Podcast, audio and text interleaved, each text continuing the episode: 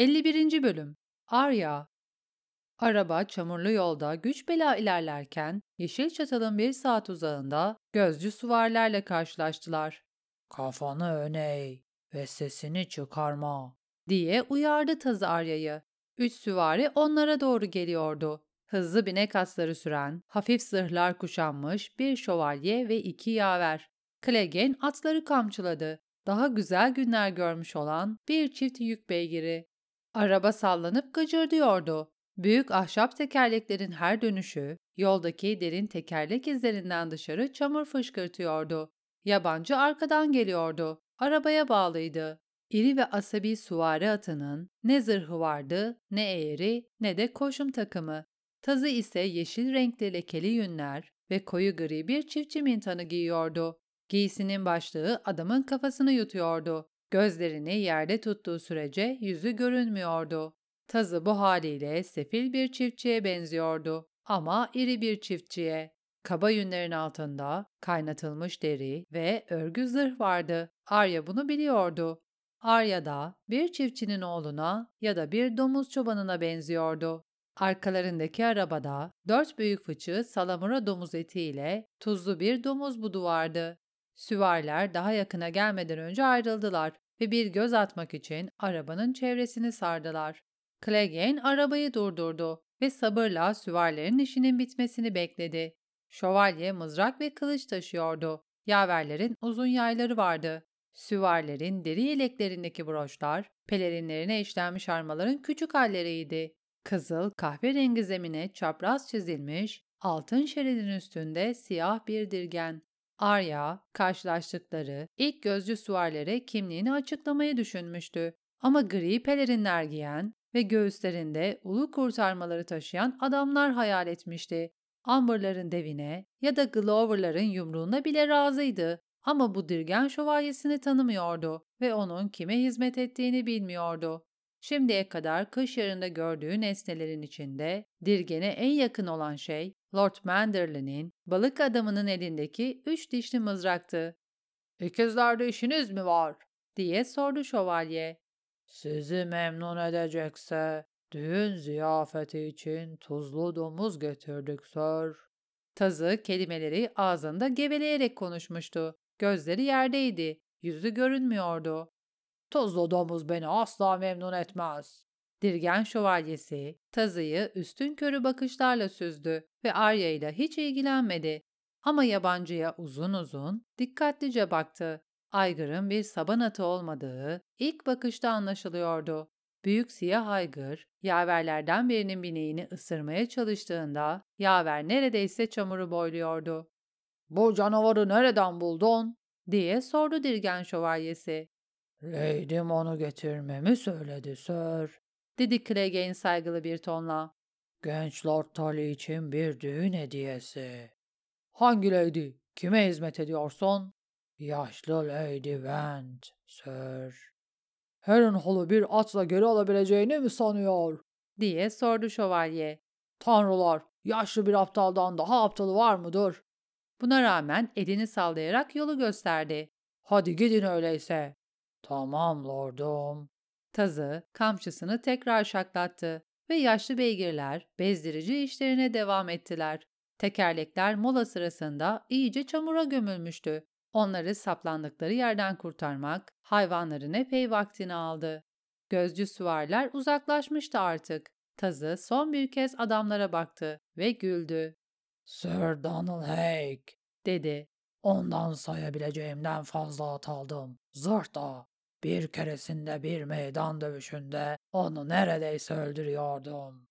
Öyleyse seni nasıl tanımadı? diye sordu Arya. Çünkü şövalyeler aptaldır. Üstelik mide bulandırıcı bir köylüye iki kez bakmak ona yakışmazdı. Dedi tazı. Atları kamçıladı. Gözlerini aşağıda tut. Saygılı bir tonla konuş. Ve bol bol sörde. Şövalyelerin çoğu sana bakmaz bile. Atlar küçük insanlardan fazla ilgilerini çeker. Yabancıyı tanıyabilirdi ama beni onu sürerken görmedi hiç. Yüzünü tanırdı. Arya bundan emindi. Bir kez gördükten sonra Sandor Clegane'in yanıklarını unutmak kolay değildi. Tazı, yanık izlerini bir miğferin arkasına da saklayamazdı. Meğer ki miğfer, hırlayan bir köpek suretinde yapılmış olsun. İşte bu yüzden arabaya ve tuzlu domuz buduna ihtiyaçları vardı. Ağabeyinin önüne zincirlere vurulmuş bir halde sürüklenmeyeceğim, demişti Tazı. Ve ona ulaşmak için adamlarının arasından geçmek de istemem. Bu yüzden küçük bir oyun oynayacağız. Kral yolunda şans eseri karşılaşılmış bir çiftçi onlara arabayı, atları, kıyafetleri ve fıçıları temin etmişti. Bunu kendi isteğiyle yapmamıştı gerçi. Tazı her şeyi kılıcının ucuyla almıştı. Çiftçi ona hırsız olduğu için küfrettiğinde ''Hayır'' demişti Tazı. ''Hırsız değil, malzemeci. İç çamaşırlarını almadığım için şükret. Şimdi şu çizmelerini çıkar, yoksa bacaklarını keserim. Tercih senin.'' Çiftçi, Clegane kadar iriydi ama buna rağmen çizmelerinden vazgeçmeyi ve bacaklarını korumayı tercih etmişti. Akşam karanlığı çökerken onlar hala ağır adımlarla Yeşil Çatal'a ve Lord Frey'in ikiz kalelerine doğru yol alıyorlardı. Az kaldı diye düşündü Arya. Heyecanlı olması gerektiğini biliyordu ama midesi düğümlenmişti. Bunun sebebi günlerdir boğuştuğu yüksek ateşti belki, belki de değildi. Geçen gece kötü bir rüya görmüştü. Korkunç bir rüya. Rüyasında neler gördüğünü hatırlamıyordu. Ama o berbat duygu bütün gün geçmemişti. Aksine daha da kuvvetlenmişti. Korku kılıçtan derin keser. Şimdi güçlü olmalıydı. Babasının söylediği gibi. Annesiyle onun arasında bir kale kapısı, bir nehir ve bir ordudan başka bir şey yoktu. Ama bu Rob'un ordusuydu. Yani ortada gerçek bir tehlike yoktu. Var mıydı? Fakat Rose Bolton da onlardan biriydi. Haydusların deyişiyle Sülük Lord. Bu düşünce Arya'yı huzursuz etti. Arya, Harrenhal'dan, kanlı oyunculardan olduğu kadar Bolton'dan uzaklaşmak için de kaçmıştı ve kaçmak için Bolton'un muhafızlarından birinin boğazını kesmişti. Bolton bunu biliyor muydu? Yoksa Genry'i ve Alturta'yı mı suçlamıştı? Arya'nın annesine bundan bahseder miydi? Arya'yı görürse ne yapardı? Muhtemelen beni tanımaz bile. Arya bugünlerde bir lordun kadeh taşıyıcısından çok ıslak bir fareye benziyordu. Islak bir erkek fareye. Tazı daha iki gün önce Arya'nın saçlarını kesmişti. Yorundan bile kötü bir berberdi. Arya'nın kafasının bir yanını kel bırakmıştı.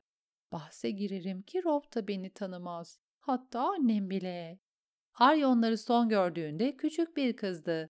Lord Eddard Stark'ın kış yarından ayrıldığı gün. Kaleyi görmeden önce müzik sesini duydular. Nehrin kükremesinin ve başlarını döven yağmurun pıtırtısının altında selikleşen davul gümbürtüsü, borazanların pirinç ötüşü ve flütlerin ince haykırışı. ''Düğünü kaçırdık.'' dedi tazı. ''Ama seslere bakılırsa ziyafet devam ediyor. Yakında senden kurtulacağım.'' ''Hayır, ben senden kurtulacağım.'' diye düşündü Arya. Yol buraya kadar çoğunlukla kuzeybatıya doğru akmıştı. Ama şimdi bir elma bahçesinin ve yağmurla ezilmiş ıslak bir mısır tarlasının arasından tam olarak batıya gidiyordu. Arya ve Tazı son elma ağacını geçtiler. Bir yokuşun tepesine tırmandılar ve sonra kaleler, nehir ve kamplar aynı anda ortaya çıktı. Yüzlerce at ve binlerce adam vardı. Adamların çoğu kale kapılarının karşısındaki üç büyük ziyafet çadırının etrafında aylak aylak dolaşıyordu. Yan yana kurulmuş çadırlar, yelken bezinden inşa edilmiş üç muazzam uzun salon gibi görünüyordu. Rob'un kampı duvarların epey uzağında, daha yüksek ve daha kuru zeminde kurulmuştu. Ama yeşil çatal yatağından taşmış ve hatta dikkatsizce yerleştirilmiş birkaç çadırı almıştı. Kalelerden yükselen müzik burada daha gürültülüydü. Davulların ve boruların sesi kamp boyunca yankılanıyordu. Daha yakın olan kaledeki müzisyenler, uzak kıyıda yükselen kaledeki müzisyenlerden farklı bir şarkı çalıyordu. Bu yüzden gelen sesler bir şarkıdan çok bir mücadeleye benziyordu. Çok iyi değiller, dedi Arya. Tazının çıkardığı ses bir kahkaha olabilirdi. Lenis limanında bu gürültüden şikayet eden yaşlı ve sağır bir kadın var. Walder Frey'in gözlerinin işe yaramadığını duymuştum. Ama kimse kahrolası kulaklarından bahsetmemişti. Arya kendini vaktin gece değil de gündüz olmasını dilerken yakaladı. Güneş parlasaydı ve rüzgar esseydi, Arya sancakları daha iyi görebilirdi. Starkların kurdunu bulmaya çalışabilirdi. Belki Servinlerin savaş baltasını ya da Glover'ların yumruğunu. Fakat akşam karanlığında bütün renkler gri görünüyordu. Yağmur ince bir çiseltiye, neredeyse sise dönüşmüştü. Ama daha evvel düşen sağanak bütün sancakları bulaşık bezine çevirmişti. Sırılsıklam ve okunamaz. Herhangi bir saldırıya karşı üstün körü bir duvar oluşturmak amacıyla kampın çevresine at arabalarından oluşan bir çit çekilmişti. Nöbetçiler Arya ile Tazı'yı orada durdurdu.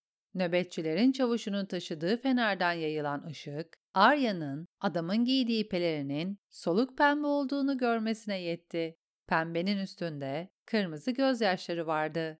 Çavuşun komutasındaki askerlerin göğsüne Sülük Lord'un arması işlenmişti. Dehşet Kalesi'nin derisi üzülmüş adamı.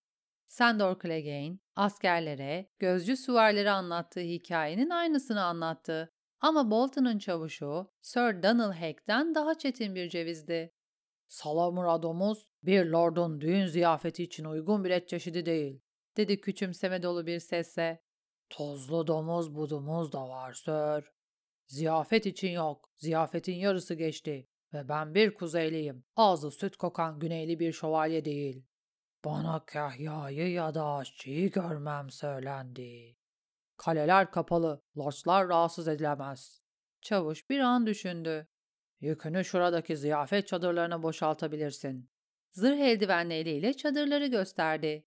Bira insanı acıktırır ve yaşlı Frey birkaç domuz budunun yokluğunu hissetmez. Et çiğneyecek dişleri de yok zaten. Seçkinsi sor. Seninle ne yapılacağını o bilir. Çavuş bağırarak emir verdi ve askerler arabalardan birini kenara çekerek tazı için yol açtı. Tazının kamçısı beygir atlarını çadırlara doğru koşturdu. Kimsenin onlarla ilgilendiği yoktu. Sular sıçratarak parlak renkli büyük çadırların önünden geçtiler. İçerlerde yanan yağ lambaları ve maltızlar, ipek duvarları, sihirli fenerler misali ışıldatıyordu. Pembe ve altın rengi pırıldıyordu duvarlar. Çizgili, helezoni ve kareli, kuşlar ve canavarlarla süslenmişlerdi. Zikzaklar ve yıldızlarla, tekerlekler ve silahlarla. Arya sarı bir çadır gördü. Duvarında altı meşe palamudu vardı. Üçün üstünde iki, ikinin üstünde bir. Lord Smallwood'un arması. Arya tanıdı. Çok uzaklardaki Pelit Kalesi'ni ve ona güzel olduğunu söyleyen Lady'yi hatırladı. Ama ışıltılı her büyük çadıra karşılık iki düzüne keçe ya da branda çadır vardı. Duvarları ışık geçirmez ve karanlıktı. Her biri kırk asker barındıracak büyüklükte, kışla çadırları da mevcuttu. Ama üç muazzam ziyafet çadırının yanında çok küçük görünüyorlardı. Görünüşe göre içki faslı saatlerdir sürüyordu. Şerefe kalkan kadehlerin şıngırtısı, olan kamp seslerine karışıyordu. Kişneyen atlar ve havlayan köpekler, karanlıkta gıcırdayan arabalar, kahkahalar ve küfürler, ahşap çatırtısı ve çelik çınlaması. Tası ve Arya kaleye yaklaşırlarken müzik sesi çoğaldı. Ama müzik sesinin altında daha derin, daha koyu bir ses vardı. Nehir. Kabarmış yeşil çatal, ininin içindeki bir aslan gibi kükrüyordu. Arya her yere aynı anda bakmaya çalışarak oturduğu yerde dönüp duruyordu. Bir ulu kurtarması, gri ve beyaza bürünmüş bir çadır ya da kış yarından tanıdığı bir yüz görmeyi umuyordu. Ama sadece yabancılar görüyordu. Sazların arasında su döken bir adama baktı ama adam bira göbek değildi. Bir çadırın içinden yarı çıplak bir kız kahkahalar atarak çıktı ama çadır açık maviydi. Arya'nın ilk bakışta düşündüğü gibi gri değildi. Kızın arkasında koşan adamın kıyafetindeki arma bir ağaç kedisiydi, bir ulu kurt değildi. Bir ağacın altında uzun yaylarının çentiklerine mumlu ipler takan dört okçu oturuyordu ama onlar Arya'nın babasının okçuları değildi. Arabanın önünden bir üstad geçti. Ama üstad Lovin olmak için fazla genç ve zayıftı. Arya başını kaldırıp ikizlere baktı. Ateş yanan yerlerdeki yüksek kule pencerelerinden yumuşak ışıklar süzülüyordu. Kaleler yağmur pusunun içinde, yaşlı dadının hikayelerinden çıkıp gelmişler gibi ürkütücü ve gizemli görünüyordu. Ama kış yarı değildi. En yoğun kalabalık ziyafet çadırlarındaydı. Çadırların geniş kapıları geri çekilip bağlanmıştı. Ellerinde içki boynuzları ve bira kupaları olan adamlar birkaç kamp takipçisiyle birlikte kapılardan girip çıkıyorlardı. Tazı ilk ziyafet çadırının önünden geçerken Arya içeri baktı ve sıralarda oturan, şarap ve bira fıçılarının başında itişip kakışan yüzlerce adam gördü. Çadırın içinde adım atacak yer yoktu ama kimse bunu umursamıyordu. En azından sıcak ve kuruydu adamlar. Soğuk ve ıslak Arya onlara gıpta etti. Bazıları şarkı bile söylüyordu. Kapının etrafındaki ince ve sisli yağmur, çadırın içinden kaçan ısı yüzünden buharlaşıyordu. Lord Edmund'un ve Lady Rosie'nin şerefine, dedi bir ses. Herkes içkisini içti ve biri bağırdı. Genç kurtun ve Kraliçe Jane'in şerefine. Kraliçe Jane de kim? diye düşündü Arya bir an. Onun tanıdığı tek kraliçe Cersei'ydi. Ziyafet çadırlarının dışına kazılmış ateş çukurları, hasırdan ve hayvan derisinden yapılmış tentelerin altında yağmurdan korunuyordu. Damlalar dümdüz aşağı düştüğü sürece.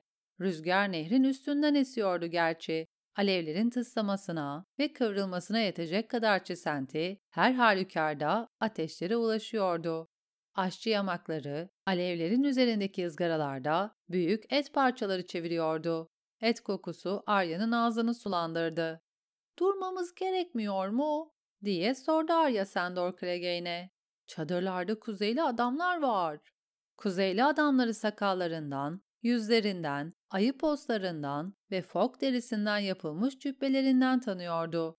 Yarı duyulur konuşmalarından ve söyledikleri şarkılardan Karstarklar, Amberlar ve dağ kabilelerinin adamları, genç kurtun adamları, Starkların ulu kurtları. Ağabeyin kalede olacak, dedi tazı. Annen de öyle. Onları istiyor musun, istemiyor musun? Evet, dedi Arya. Seçkins ne olacak? Çavuş, Seçkins'i bulmalarını söylemişti. Kızgın bir demirle kendi kendini becerebilir, dedi tazı. Kamçısını açtı. Savrulan kamçı, yağmurun içinde tıslayarak beygirin böğrünü ısırdı. Benim istediğim senin kahrolası abin. 51. bölümün sonu